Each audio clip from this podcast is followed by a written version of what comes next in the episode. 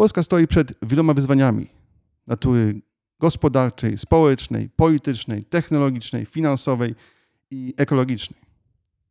Transformator to podcast poświęcony poszukiwaniom najlepszych odpowiedzi na te wyzwania. Tak, żebyśmy te problemy, te trudności dnia codziennego, niekiedy te zagrożenia potrafili przekuć, potrafili przekształcić w szanse rozwojowe. Żebyśmy postrzegali je jako bodziec, dzięki któremu zbudujemy państwo na tyle sprawne, żeby nasz kraj był w stanie stawić czoła tym wyzwaniom w przyszłości.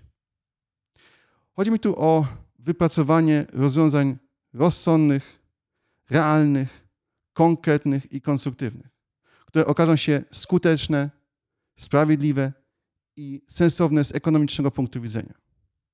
Oczywiście tematów, którymi warto byłoby się zająć, jest bardzo wiele, ale chcąc zagwarantować jak najwyższy poziom merytoryczny, zdecydowałem się skupić na tych dziedzinach, którymi zajmuję się już od bardzo, bardzo wielu lat. Są to gospodarka, transport i energetyka. Ja te dziedziny rozumiem bardzo szeroko. Gospodarka to przykładowo też gospodarka wodna, gospodarka odpadami komunalnymi, wykorzystanie środków europejskich, polityka rozwojowa i polityka fiskalna, transport. To oczywiście też planowanie przestrzenne. A energetyka to nie tylko produkcja, dystrybucja i zużycie prądu, ale też energetyka cieplna. Większość odcinków Transformatora dzieli się na dwie części. Część pierwsza to przegląd najważniejszych i miejmy nadzieję też najciekawszych bieżących wydarzeń, doniesień i informacji związanych z tymi szeroko rozumianymi dziedzinami. Druga część to jeden albo kilka tematów przewodnich danego odcinka.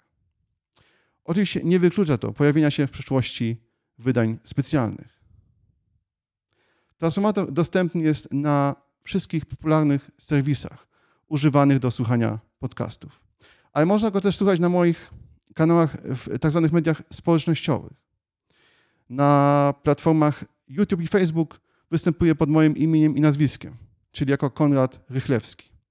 Natomiast na Twitterze jako Ed Rychlewski, czy też Małpa Rychlewski, wszystko małymi literami. Gorąco zachęcam nie tylko do słuchania transformatora, ale też do dzielenia się swoimi spostrzeżeniami i komentarzami. Z największą przyjemnością bym mnie poznał. Na dzisiaj dziękuję za uwagę i do usłyszenia w kolejnym odcinku Transformatora.